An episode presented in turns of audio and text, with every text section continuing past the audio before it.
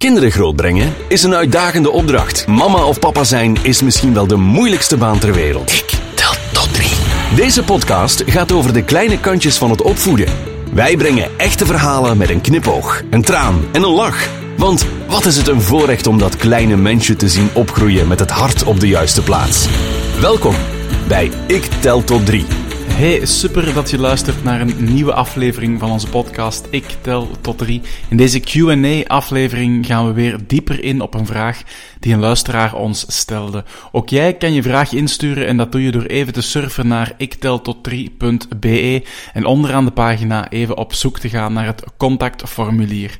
Mijn naam is Steven Gillis en vandaag sta ik stil bij de vraag waarom zijn gevoelens belangrijk? Onthoud dat enkele, elke ouder zijn eigen manieren, gewoonte en aanpak heeft en dat het zeker niet zo is dat alle tips die in deze podcast voorbij komen ook voor 100% matchen met jouw situatie. Aarzel niet om ondersteuning te zoeken wanneer je je ernstige zorgen maakt over je gezinssituatie.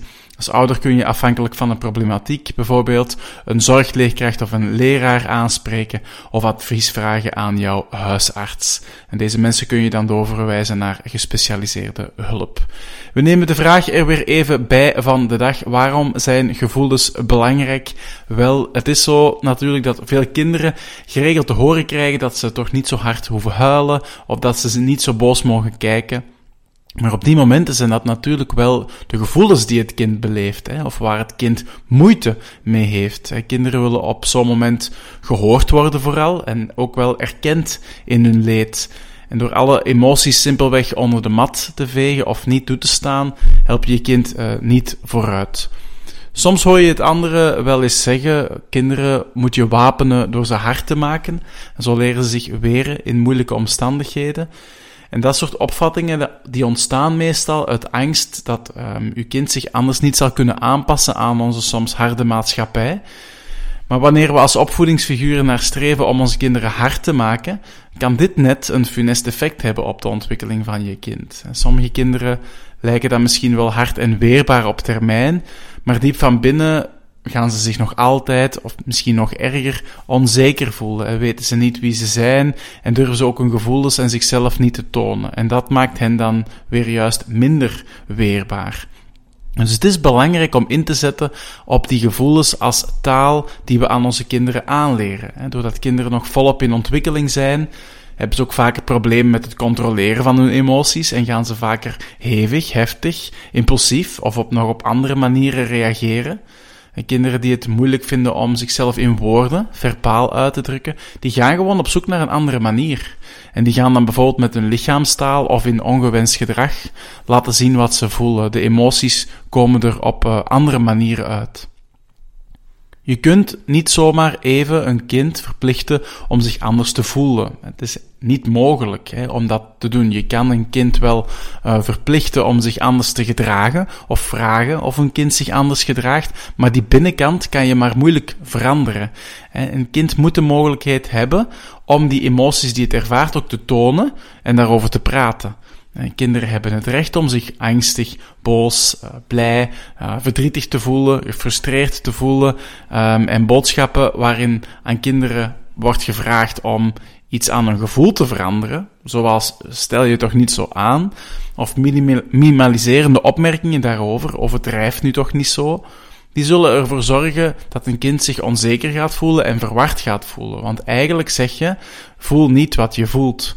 En je hoort het al, dat is eigenlijk onmogelijk. Hè? Voel niet wat je voelt. En het gevolg kan dan ook zijn dat een kind zich onbegrepen voelt, zich nog meer zal afsluiten en in de toekomst zijn gevoelens niet meer met je zal delen. Want die gevoelens gaan nog steeds binnenkomen, want daar kan je niet veranderen, maar ze gaan minder gedeeld worden met de omgeving. En laat dat net heel belangrijk zijn.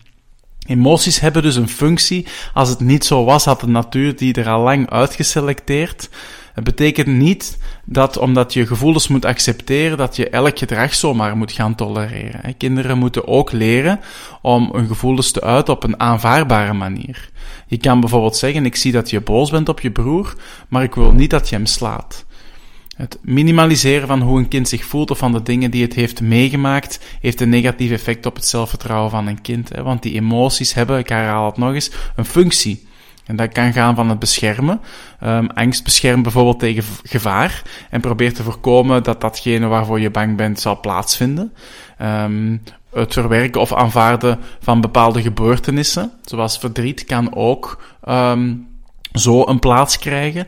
Uh, en soms kunnen gevoelens ervoor zorgen dat er energie kan vrijkomen. Hè. Dus als je kwaad bent of je ontploft als het ware, dan komt die energie vrij en die energie is dan los en die blijft ook niet zitten in het lichaam. En die kan dan ook niet zakken uh, naar bijvoorbeeld buikpijn of nekpijn, hè, waar veel kinderen uh, last van hebben. Ook al reageren ouders heel vaak met de beste bedoelingen en je hoeft toch niet zo bang zijn of je hoeft nu toch niet te wenen. Toch zullen kinderen op die momenten niet goed leren hoe ze moeten omgaan met die teleurstellingen of met die angst. Ze zullen eerder het gevoel krijgen, um, ik mag dit niet voelen. Boodschap is dus om als ouder op een positieve manier om te proberen te gaan met gevoelens. Want kinderen die op een goede manier met hun emoties leren omgaan, die worden daarin door hun omgeving bevestigd. En zij gaan zo ook een positiever zelfbeeld ontwikkelen. Als je kind een traantje laat, is het dus best oké om dat toe te laten of zelfs aan te moedigen. Want dat is een gezonde manier van je lichaam om stress te kanaliseren en te laten wegvloeien. Daarvoor dienen de tranen. En bovendien zorgt het benoemen van de emotie van je kind uh, er vaak ook voor dat het kind automatisch rustiger zal worden.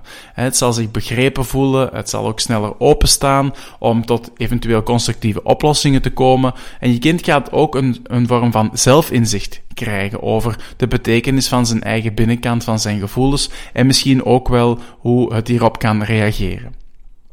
Afronden wil ik heel graag doen op deze vraag. En waarom zijn gevoelens uh, belangrijk? Uh, met een citaat van Marianne Geraerts. Het is een uh, kinderpsycholoog en ook een auteur van het boek Vol Gevoelens en één Goudvis. En zij zegt, op een dag tijd gaan er heel wat gevoelens door ons lichaam. Het is belangrijk voor het welzijn van kinderen dat we hen van kleins af aan leren die gevoelens te herkennen, te benoemen en hen ook manieren aan te reiken om ermee om te gaan. Het is pas wanneer gevoelens geen plaats krijgen of genegeerd worden dat we in de problemen komen. Als gevoelens wel de nodige aandacht krijgen in de opvoeding van kinderen, heeft dat een positief effect op hun zelfwaarde, hun sociale ontwikkeling en hun mentale welzijn. Zo zijn we aan het einde van deze podcast gekomen. Ik wil jou als luisteraar graag bedanken dat je helemaal tot het einde hebt uh, geluisterd. Hopelijk had je er wat aan. Vergeet niet jouw reactie achter te laten op onze website ikteltot3.be of je te abonneren op meer afleveringen van deze podcast. Tot een volgende keer. Tot Ik Tel Tot 3. Dit was Ik Tel Tot 3, de podcast over echt ouderschap. Abonneer je voor nieuwe afleveringen. Reageer of stuur ons een berichtje op ikteltot3.be. Vergeet niet, je staat er niet alleen voor, want it takes a village to raise a child.